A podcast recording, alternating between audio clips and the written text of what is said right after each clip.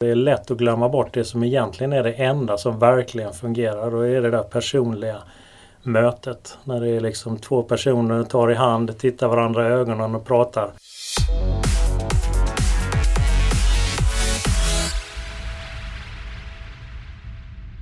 Lantmännen Maskin har haft en målgrupp som var inte särskilt digitalt och oftast äldre män. Men det pågår stora förändringar på Sveriges landsbygd och Lantmännen Maskin har anpassat sin kommunikation efter det.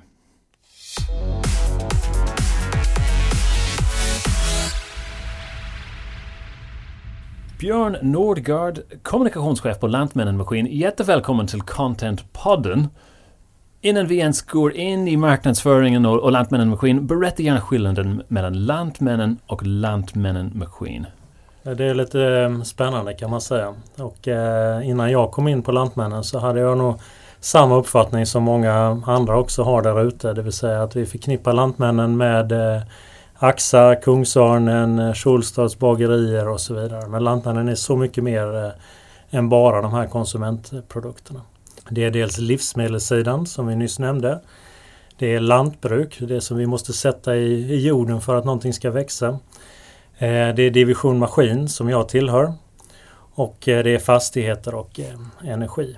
Och ska vi då gå tillbaka till just maskinsidan egentligen så är det två stycken olika ben. Det är Swecon som är Volvos lastmaskiner kan man säga. De gula maskinerna man brukar se vid vägkanten. Eh, och sen är det då Lantmännen Maskin som är traktorer, tröskor, redskap, allting som du behöver egentligen för att kunna bruka jorden. Så Dreamcrass, Lantmännen Maskin, säljer traktorer och tröskmaskiner och allt som egentligen används av, av bönderna runt om i landet. Det kan man säga. Och vi är ju egentligen som en serviceorganisation för både våra ägare och för lantbrukare och bönder i, inom alla olika näringar egentligen. Både skogen, animalieproduktion, spannmål eller entreprenadsidan. När du säger serviceorganisation, vad menar du med den? Det kan man egentligen säga att vår, vår kärnverksamhet är ju att se till att saker och ting fungerar. Det är ju helt kritiskt och avgörande för en eh, lantbrukare idag att traktorn ska fungera när den ska fungera. Ska jag skörda, ja, då får ingenting gå fel. Allting måste fungera och då finns vi där med service. Vi har bunkrat upp med maskiner och redskap som vi vet då är kvalitativa, eh, går att tillhandahålla till ett bra pris.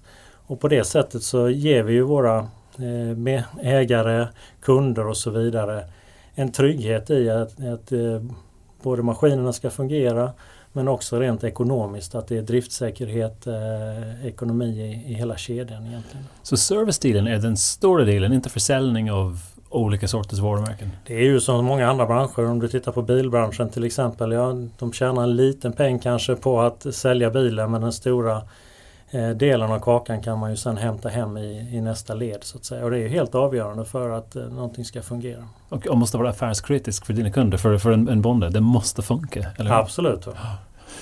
Nu, din roll, du, du är ganska ny som kommunikationschef på Lantmännen Maskin och, och tidigare har du varit en ägare och en entreprenör och jobbat mycket inom management consultancy. Berätta lite om din karriärbana. Du är inte en slags ser det inte som en självklar resa till kommunikationschef på Lantmännen Maskin? Nej, det är väl ungefär det jag brukar höra allt som oftast egentligen och har gjort under hela min bana kan man säga. Eh, jag liksom många andra hade säkert stegat ut och tänkt sig eh, en form av karriär från eh, A till B och så vidare i, i en viss riktning i ett bolag och så vidare eller en viss bransch. Men egentligen av en slump så landade jag in på att bli entreprenör. Åkte på ett eh, event till London där, och där mötte jag John Cleese och eh, kom hem med ett kontrakt i handen och då startade jag företag först. Och på den vägen liksom var det under många år. Då. Så det är på grund av John Cleese att du har blivit Vi kan tacka John Cleese att jag har hamnat i den eh, stol där jag sitter just nu. Men vad sa han till dig då? Vi hade egentligen jobbat med hans produkter, utbildningsfilmer och sånt under okay. många år. Eh, och sen sökte de en ny väg eh, vid det tillfället och eh, då råkade det bli jag som, som landade in som det som okay. det alternativet i Sverige. Då. Och att komma därifrån, utbildningsmaterial in till kommunikationschefrollen på ett stort bolag som Lantmännen Maskin. Man kan säga så här att det är min den röda tråden egentligen rakt igenom är ju reklam och marknadsföring. Och sen har det kommit till uttryck i olika typer av produkter och tjänster.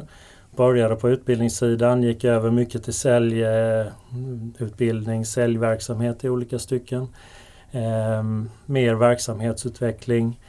Eh, och det gör ju att man har ju sett en mängd olika branscher. Stora, små företag, väl fungerande, mindre väl fungerande och så vidare. Eh, och det är ju fantastiskt nu så här på äldre dagar om nu får säga så. så gammal är du inte. att eh, kunna ta med sig den erfarenheten in i en större verksamhet. Så det är verkligen en, en omvänd bana. Men jag känner att jag passar perfekt in i den eh, situation där jag sitter nu. Jag trivs verkligen som fisken i vattnet. Kan cool. Men hur känns det ändå att, att vara konsult med massor med olika företag och du kan ge råd och, och tips eller ja, och, och konsulta dem. Och, och, nu är du där som kommunikationschef. Kanske en roll som du har varit konsult till, det vill säga att du har hjälpt olika kommunikationschefer, säkert och marknadschefer under åren och nu sitter du i samma roll. Mm. Hur är det att vara på typ kundsidan och inte vara konsult? Jag kan väl egentligen säga att det är just den biten som jag har saknat i alla år. Du, vet, du går in och så ger du råd och tips. Du står lite grann vid sidan om och ser matchen spelas. Och i bästa fall så får du liksom se slutresultatet men ibland måste du gå i halvtid för att du ska iväg på en annan match. Ja. Och titta den och det är ganska otillfredsställande i längden. Nu kan man ju både vara med och påverka liksom strategin, spelupplägget följa och coacha från sidlinjen hela tiden och sen också se till att vi verkligen får, får fira vinsten i, i slutändan. Så det, ja, det känns, på det sättet känns det som ett naturligt steg. Om vi går tillbaks till Lantmännen Maskin. En typisk kund då, det är ju en bonde eller har jag rätt? Eller vem är en typisk kund hos er? Det kan man ju säga traditionellt sett så skulle man säga att det är en typisk eh, lantbrukare eller bonde oavsett om det är skog eller animalie eller spannmål i olika stycken. Men den bilden förändras väldigt eh, dramatiskt nästan kan man faktiskt säga nu. Eh, för att få lönsamhet i verksamheten eh, på grund av omvärldsförändringar och så vidare så, så är vi på väg i, i, andra riktningar också som kompletterar det som är vår, vår grund och vår bas. Och det kan röra entreprenad eh, till exempel. Många av våra kunder idag de kan inte enbart livnära sig på sin eh, grundnäring så att säga. Det gör att de eh, plogar vägar på vintern, de klipper gräs på sommaren och de, ja, de utför tjänster åt stat och kommun i olika stycken också. Och det vill vi också kunna ge dem den sidan, eh, serva dem med maskiner och redskap som de behöver för det arbetet. Och det roliga i detta är ju faktiskt att just traktorn som har varit traditionellt vårt liksom kärnredskap yeah. eh, den funkar ju väldigt väl i, i hela den kedjan också. Du kopplar på ett annat redskap på traktorn traktorn står i centrum egentligen för allting eh, vi gör på det sättet. Och en typisk kund är det, därför att det var, om, om man tänker på en, en bonde på landsbygden, man tänker på en äldre man som jobbar väldigt hårt och har kanske två eller tre olika sorters företag. Stämmer den bilden fortfarande eller har den ändrats? Eller det, det finns nya entreprenörer som är säkert på väg in i den här sortens branschen också? Det stämmer ju till viss del och det kan man ju säga. Jag som då är liksom lite entreprenör i, i botten också har ju känt mig väldigt hemma i det här för att här har vi 27 000 ägare som alla egentligen är i samma, av samma skrot och korn, i samma sits. De är entreprenörer. De måste till varje pris utveckla sitt erbjudande, sitt koncept, eh, det de skapar för att kunna hänga med både i utvecklingen på marknaden men också i, i tiden.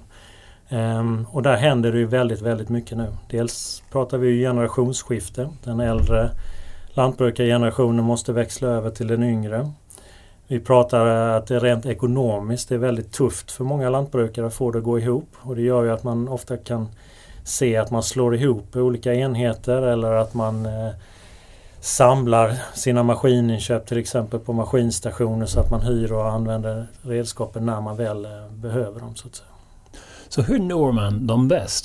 Det finns en traditionell del som man måste, just kommunikationsmässigt, men det finns en del som är ganska traditionell säkert, men det finns en, den här generationsskiftet som sker. Hur hanterar du det på Lantmännen Maskin? Egentligen kan man ju säga att det finns ju hur många kanaler som helst där ute idag. Det är ju lätt att gå vilse i den djungeln. Och det är lätt att glömma bort det som egentligen är det enda som verkligen fungerar. Då är det där personliga mötet. När det är liksom två personer tar i hand, tittar varandra i ögonen och pratar jordnära på något sätt. Och det, dit vill vi ju komma eh, i förlängningen. Nu är vi inte liksom så lyckligt lottade att vi kan liksom träffa alla kunder på det sättet. Men om vi tar hela vår eh, personalkår till exempel. Vi är nästan 800 medarbetare. 625 stycken av dem har daglig kundkontakt på olika sätt och vis. Det är en fantastisk kontaktyta gentemot eh, våra kunder. Och i det ögonblicket på något sätt händer ju eh, det som kan skapa mervärde för vår organisation och mervärde för kunden också. Så huvuddelen av all kommunikation hos Lantmännen handlar om just den, den fysiska, det fysiska mötet eller i alla fall ett, ett telefonsamtal eller en, en riktig kontakt kan ja, man säga. Ja, det skulle man nog kunna säga. Va? Det är väldigt lätt att förledas och tro att det är annonsering, det är broschyrer, det är kataloger. Det är olika typer av utskick och traditionell reklam på det sättet. Va? Men hade det inte varit för det personliga mötet så hade vi inte nått någonstans överhuvudtaget. Och det ligger lite grann i vår eh, i kärnan i vår verksamhet. Då. Vi bygger på, på 60 olika egna anläggningar runt om i landet. Där vi har butiker, verkstad, service eh, som är ryggraden i, i vår verksamhet. Och sen har vi då en serviceverksamhet eller huvudkontor om man nu vill kalla det i Malmö som, som sköter de centrala funktionerna med inköp, ekonomi, logistik och så vidare. Och tillsammans så, så gör det att vi täcker upp hela Sverige från eh, norr till söder egentligen. Vi, ja, vi försöker leva efter devisen alltid nära och det är egentligen precis just det allting handlar om. Att vara alltid nära våra det, kunder. Det är intressant för att flera av de här marknadschefer som vi har intervjuat på Contentpodden även om de jobbar väldigt mycket business to consumer och försöker nå till miljontals människor alla verkar gå tillbaks till events och anledningar att träffas fysiskt på något sätt. Och jag bara undrar, den här slags digitala utvecklingen som vi har sett i samhället det kanske har en slags en motsatt effekt nu. Att vi vill faktiskt träffa folk in person. Like, det vill säga att världen är inte digitalt. Det är, jag tror det här har ju pågått väldigt länge egentligen. Man, ställer, man har haft någon slags övertro till att eh, det digitala eh, ska lösa alla andra problem och det ska vara smidigt. Va? Du kan bara se alla banker har lagt ner sina lokala kontor och du ska sköta det via appen. Ja, det fungerar så länge du inte har ett problem som kräver att du ska diskutera det på något sätt. Va? Du ska bara flytta pengar från det ena eller det andra Just sättet. Det, det är okej. Okay, men i, i, vår situation så har vi en mycket mer komplex tillvaro. Vi har en maskin som, som kör ute på ett fält. Det, det är tuffa väderförhållanden. Det är tajta tidsramar. Ingenting får gå fel på något sätt. Va? Och då duger det inte att ringa till en telefonsvarare och knappa in 1, 2, 3 och vänta lite till och det spelas musik i bakgrunden. Det måste finnas en person som du direkt kan få kontakt med och som kan hjälpa dig med det problem som du har här och nu. När det gäller däremot ert sätt att kommunicera och marknadsföra, ni använder ändå traditionell reklam och ni använder också sociala medier. För det är ganska nytt. Ni har, varit ganska, ni, ni har gjort en hel del ändringar. Bättre att du berättar för mig. Vilka ändringar har ni gjort? Därför att du är hyfsat ny in i rollen. Och, ja. och, vad har du gjort sen du, sen du började? Nej, men man kan väl säga, det är ju ingenting att sticka under stol med, att eh, Lantmännarmaskin har varit en traditionell verksamhet. Eh, som så många andra. Eh, och det innebär att vi har, vi har försökt att treva kanske lite grann efter de sociala medierna. Vi har läst någonstans att det, det ska man göra om man ska vara där. Men vi var inte mycket mer än, än just det egentligen. Det gäller också liksom sam, sammansättning eller mixen av vilka kanaler vi an, använder. Traditionellt sett har det varit extremt mycket printannonsering till exempel. Ehm, det försöker vi nu ändra på och vi har ändrat på det nästan med revolutionstakt kan man säga över en natt egentligen. Vi har gasat på rejält i sociala medier. Men vi har fortsatt samtidigt att jobba med de traditionella kanalerna och istället försökt skapa liksom en mix av alla de här som, som pratar samman så att vi, vi har ett grundbudskap men beroende på kanal så anpassar vi det lite grann men vi försöker få ut det samtidigt egentligen i, i tid och rum så att säga. Men beroende på mottagaren så måste vi också eh, få det att, att varieras helt enkelt. Jag har två frågor kring det. En, en, den första är just kring budskapet. Väljer ni ett budskap som ni ska köra med en kvartal eller den här perioden ska vi prata om just det, det här budskapet och sen tar ut den i flera olika kanaler eller är det lite mer ad hoc? Nej, jag skulle väl säga att det är ganska genomtänkt. Eh, sen ibland måste man naturligtvis kunna vara lite ad hoc och respondera på vad som händer här och nu i omgivningen. Och det kan vara ju allt från hur eh, politiken på området eh, drivs till ekonomiska förhållanden som, som gör att vi måste anpassa oss. Men i princip så har vi en långtidsplanering för alla våra olika områden och det är ju ganska komplext. Vi sitter på kanske 200 varumärken att hantera. Det är tra traktorer, det är tröskor, det är redskap, en uppsjö av olika artiklar som man eh, som lantbrukare behöver idag. Alla de finns under vårt tak. Eh, och då har vi också att hantera i vad är det vi ska marknadsföra vid vilken tidpunkt och eh, på vilket sätt ska vi göra det. Så ser man rent eh, konkret i planering så följer den ju både traditionellt och även i liksom det vi försöker göra nu eh, säsongen egentligen. Och det innebär att just nu är det ju införsäljning av vallmaskiner, tröskor. Lite senare kanske traktorer som i och för sig löper ganska mycket under året. På våren igen, återigen redskap, vallmaskiner och så vidare. Så att allting har sin egen lilla cykel som hela branschen har att förhålla sig till. Något som jag har, tänkt på, och dels när det gäller sociala medier. Ganska ny för Lantmännen Maskin, men ser du en effekt på en Facebook-sida eller Instagram? Ser du eh, en direkt effekt i försäljning eller i marknadsföring hos er? Mm. Det är roligt att du frågar precis det faktiskt. För att eh, när vi började så hade vi ett visst antal följare. Det är mer än dubblerat nu under det här året. Bara rent generiskt. Men det var inget egenvärde egentligen att dubblera antalet följare och så vidare eftersom det man säger, algoritmerna idag tillför inget mervärde för oss. Det är inte säkert att alla ser det på olika stycken utan då måste du marknadsföra det. Och när vi har marknadsfört saker då har vi kunnat välja ut saker som vi har kunnat följa. Och det roliga är att vi hade en produkt till exempel som vi följde som hade då gått i kampanj i traditionella medier med utskick och printannonsering och så vidare. Så inte mycket aktivitet hade hänt samma dag som vi la den på Facebook och de närmaste sju dagarna så tiodubblades eh, försäljningen. Och samma resa har många av våra andra produkter gjort. Eh, vi stod inför ett annat eh, tufft problem en gång här precis före sommaren.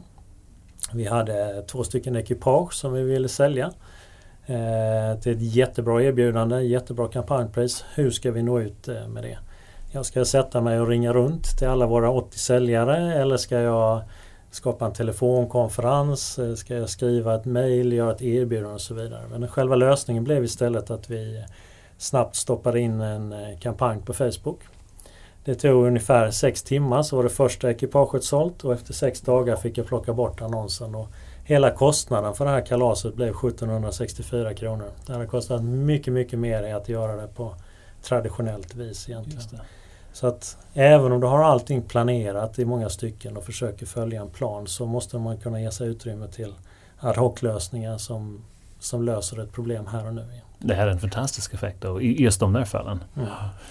Men däremot, du vill inte släppa traditionell reklam, därför det, det, det gör ni också. Absolut. Ja. Och jag, jag, ser det som viktigt att hålla fast, inte bara vid traditionerna, utan för att det ger eh, på något sätt en, en bra effekt när du skapar en helhet. Eh, syns du bara i ett enda media så blir du lätt fast i det mediet. I vårt fall har vi ju kunder som rör sig tvärs alla de här sakerna men också vissa som är helt fast i, i det traditionella medan många är i det nya. Ehm, tittar man på vissa saker som vi trattar ut, ja då sitter 92 till 95% av våra kunder och tar emot det här budskapet via mobilen. Men det finns också de som vi aldrig kommer att nå via mobilen eller datorn eller paddan på något sätt. För att de tar till sig information eller de funderar över traktorköpet i en helt annan tidsrymd på något sätt. Va? Det gör man med den traditionella tidningen egentligen. Så mixen av de här olika sakerna är, är väldigt viktig. Och sen har du naturligtvis budskapet blir olika i de olika kanalerna. Eh, det rörliga mediet inte minst att kunna berätta den här historien. Jag som nu har filmbakgrund också är ju ett litet eldorado då att få, få berätta liksom historierna på ett levande sätt.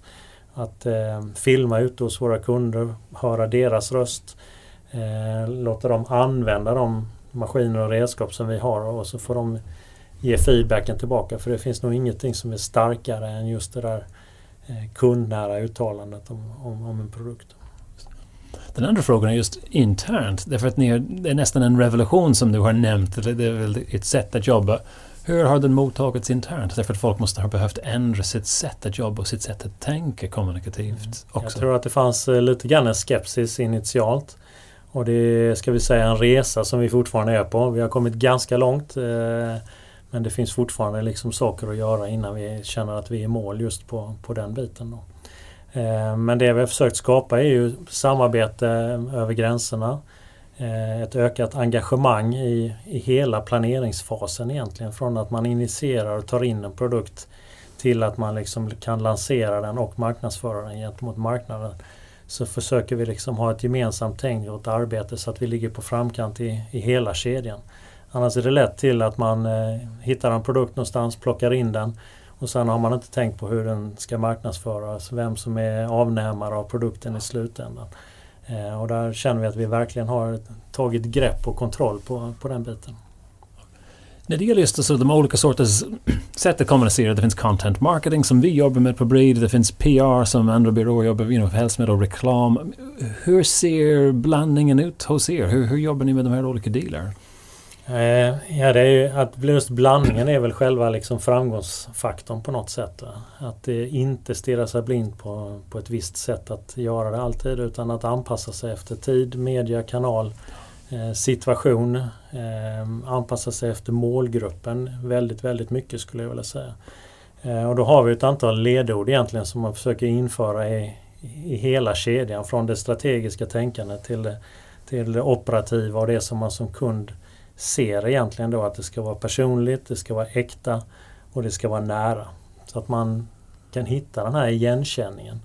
Ehm, jag, står he- jag står hellre och gör en liten kort enkel intervju mitt i leran någonstans med bonden och får det vara äkta än att jag plockar in en köpt bild någonstans ifrån i, i vår kommunikation. Vi vill att det ska liksom upplevas som att den här personen finns på riktigt på något sätt.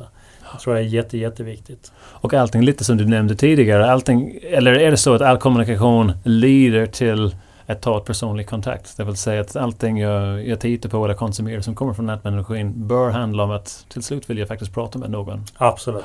I, i alla stycken egentligen. Jag tror okay. nästan överallt så är vår tagline eller payoff är det inte på något sätt kontakta din säljare eller kontakta din, din verkstad i, i, i det hela. Då. Att vara liksom direkt där. Det gäller just också så mandat, vem har ansvar för vad? Därför att det är ganska komplex. Eh, saker och ting har ändrats där också. Eh, ja det tror jag. Det, om man tittar tillbaka på min erfarenhet som, som konsult också så ibland kunde man gå riktigt, riktigt vilse i många organisationer för att man inte eh, jobbade på det sätt som, som vi säger, etiketten sa på något ja. sätt. Eh, och det är lite grann så hos, hos oss också. Så att min, jag är kommunikationschef, min närmsta chef är marknadschef. Men vår arbetsfördelning rent praktiskt är att jag jobbar med alla marknadsfrågorna, själva marknadsföringen och kommunikationen. Medan min chef har ett eh, kan man säga, mer kommersiellt ansvar gentemot både leverantörer och produktmässigt, eh, ekonomiskt och så vidare. Okej. Okay. Därför just, det var också en fråga jag hade mellan kommunikationschef och marknadschef idag. Behöver vi två olika roller idag. Det, det låter det egentligen att det som du gör är det som i andra bolag, det, det är det som en marknadschef gör. Ja, också, jag tror i mångt och mycket att eh, just titlarna blir väldigt farliga om man ja. nu ska sätta en label på, på vad du gör. Va?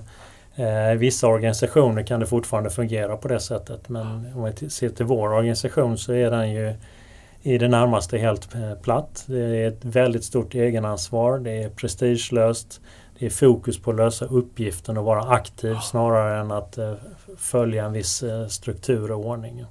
Och det gör tillsammans så skapar det liksom en enorm energi i hela organisationen som kan liksom driva saker och ting åt rätt håll. Just det.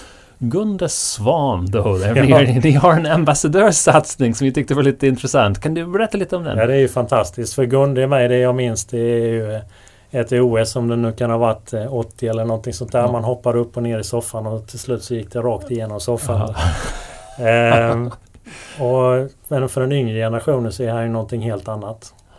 Så, eh, är han välkänd bland den yngre generationen? Nej, det tror jag snarare att han är känd som tv-programledare och ingen okay. har en aning om att han har åkt skidor egentligen. Nej, okay. Men vi har ju en härlig mix av kunder. Det är ju alla generationer egentligen från de yngre till de, eh, till de äldre om vi nu får säga lite äldre. Så. Ja. Eh, och det gör att han går ju hem i, i alla led egentligen. Och får ett väldigt positivt mottagande av detta kan man säga. Men berätta, vad, vad har han gjort för, för er och på vilket sätt har ni jobbat med, med Gunde? Man kan väl säga så här att vi fick upp ögonen för honom egentligen i, i att han är, har varit en god kund. Han eh, jobbar ju väldigt mycket i skogen och har ett genuint intresse för skogsbiten. Och just i skogen är ju Valtra en av våra viktigaste produkter. Då. Sen tycker vi att Gunde står för saker och ting som vi också vill stå för. Han, eh, är, det är pålitlighet, det är äkta på något sätt. Jag kan säga han är precis likadan i verkligheten som du ser honom på, på TV. Det är verkligen personligt, helt eh, prestigelöst, avskalat eh, och tydligt. Eh, Så det stämmer väldigt överens, väl överens med den anda som vi vill ha i vår organisation och som vi vill kunna förmedla till våra kunder. Du nämner just målgruppen eller att ni ska vara avskalade och personligt. Jag, jag tänker på målgruppen lantbrukarna de, de, de luktar bullshit väldigt snabbt. Jag vill säga att du, måste vara avskalad och personligt, eller hur? Men det, det måste vara det enda sättet att kommunicera bra med, eh, med lantbrukarna generellt sett. De är entreprenörer. Och, ja, men de är härliga hela gänget kan jag säga. Det är en fantastisk grupp människor med en enorm energi och som ofta kan extremt mycket. Och idag som lantbrukare så är det ju verkligen en riktigt, riktigt tuff utmaning. Du ska kunna allt. Du ska kunna sätta ner fröet i jorden och odla fram det. Du ska kunna göra det på exakt eh, rätt sätt. Du ska skörda i exakt rätt tidpunkt. Du ska lagra den en viss tidpunkt. Sen ska du hålla koll på börsen så att du säljer dina varor vid rätt tidpunkt. Du ska köpa maskiner, kunna ekonomi.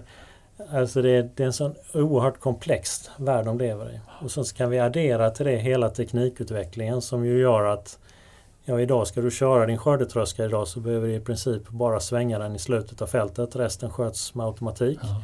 Imorgon, ja då sitter vi med paddan eller telefonen vid frukostbordet, dricker kaffet och sen så styr vi maskinen ute på fältet med, med automatik.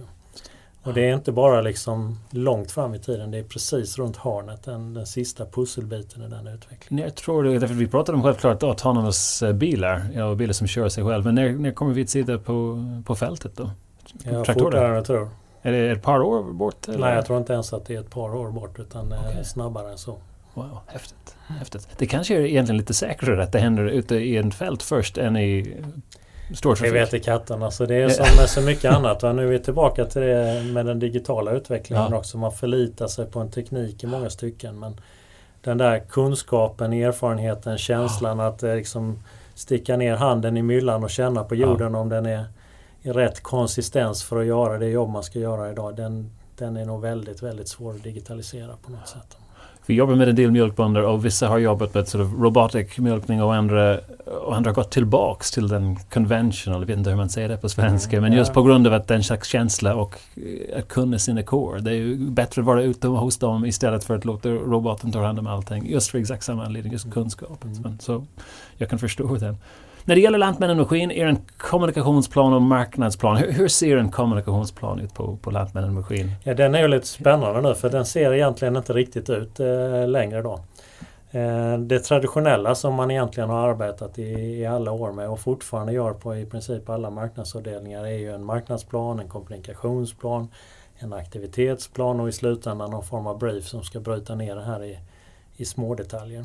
Man kan säga att vi la upp alla dessa på bordet och sen så svepte vi bort alla i ett enda tag och utgick istället från bara den kreativa briefen. Sen adderar vi ihop alla dem och det kan vara ett tusental briefs för oss egentligen med alla de varumärken vi har.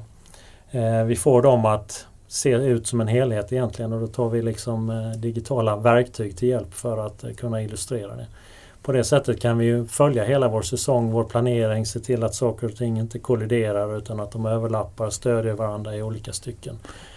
Förklara, ni har typ tusen olika kreativa brief som handlar om olika produkter som ni säljer internt. Eller ni, ni, ni säljer. Och, och, gör ni de, de här briefen internt och sen jobbar med en byrå som ska hjälpa er marknadsföra just den här produkten? Eller är det allting som görs internt för att... Eller hur, hur, hur menar du? Mm. Nej, men det är lite spännande för det kan man säga i hela Lantmännen-koncernen så är vi nog nästan ensamma i alla fall om att ha en egen inhouse-avdelning. Så att jag har en egen eh, egna grafiker, jag har egna copywriters.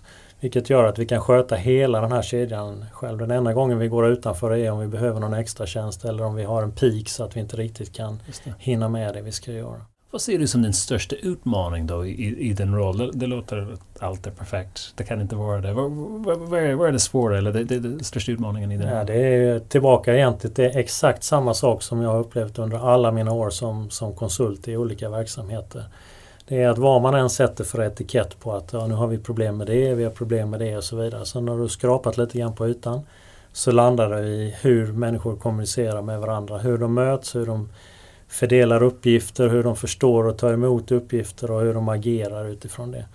Så att, ja, om man nu, kommunikation kan bli ett väldigt brett begrepp men om man ser det eh, som att jag har ett budskap som jag vill förmedla på något sätt som jag vill ska nå hela vägen ut så är det en jätteutmaning att få det att gå rakt igenom en hel organisation. Ehm, så nästa stora utmaning nu det är ju att från det här liksom välplanerade arbetet, eh, det välplanerade marknadspaketet. Ja. Att få det att fungera hela vägen ända ut i, till kontakten med kund. Och då kan det ju vara vår säljare som är kontaktytan men det kan också vara en mekaniker någonstans Exakt. som är den som möter kunden i det där kritiska ögonblicket egentligen. Just det, därför mycket måste hänga på just den, som du nämnde, den personliga kontakten. Ja. Om det är mekanikern eller, eller, eller säljaren. Har ni ett sätt för dem att kommunicera eller finns det guidelines för dem? Eller? Alltså jag tror så här, man kan skriva hur mycket man vill. Man kan skicka e-mails, man kan ha bloggar, man kan ha olika saker. Men till syvende och sist är det bara en enda grej som gäller. Och det är vi tillbaka till det vi nämnde i början egentligen. Att du måste ha den här personliga kontakten. När eh, Jonas Arvidsson, då, vår VD, klev in i det här bolaget från första början så gjorde han en enorm turné. Han besökte alla våra anläggningar. Han skakade hand med i princip varenda medarbetare. Eh, för att få förankring och engagemang i olika stycken. Och på motsvarande sätt jobbar vi idag i olika delar. Så ska vi nu eh, ta in en ny produkt så att säga, ja då för vi ut den eh, i organisationen på de platser där det är aktuellt och då gör vi det personligen. Så att den som är ansvarig åker ut berättar hur vi ska jobba med det, vad har vi för mål, vilken väg ska vi ta. Hämtar också in input från dem där ute. Vad är det som funkar? Vad tror du på detta? Vad kommer du ha för problem i den här situationen? Och så tillsammans försöker vi då hitta de här lösningarna. Vem skulle du vilja höra på Contentpodden näst? Jag vet att du lyssnar varje gång. Eller ja, ja, självklart. Absolut. Nej, men det har jag faktiskt en liten eh, en kandidat. Och att gå lite grann utanför eh, min normala box. Men eh, det finns en marknadschef på något som heter Future Eyewear. Okay. Som heter Andreas Persson. Honom skulle jag hemskt gärna vilja lyssna på. Varför då? Um, ja, det finns en koppling till idrott där också. Okay. Så att om du tittar på eh, Charlotte Kalla och de här andra stjärnorna så kommer de ha glasögon på sig. Med, eh, från e-, ett av de här varumärkena som man jobbar med där. Okay. Och de är jätteduktiga på att kommunicera ut budskapet i olika kanaler. Att få det att vara levande, nära. Eh, känna in det, att verkligen liksom eh, live the brand på, på något ja. sätt. Jättebra. Björn Nordgård, stort tack för att du var med på Contentpodden. Så lite så, det var ett nöje. Contentpodden kommer från contentbyrån Breed. Mitt namn är Colin O'Callaghan. Och du hittar oss på LinkedIn på breedcontent.se. Gå gärna in till iTunes och rata oss där också. Vi lyssnar gärna på er feedback.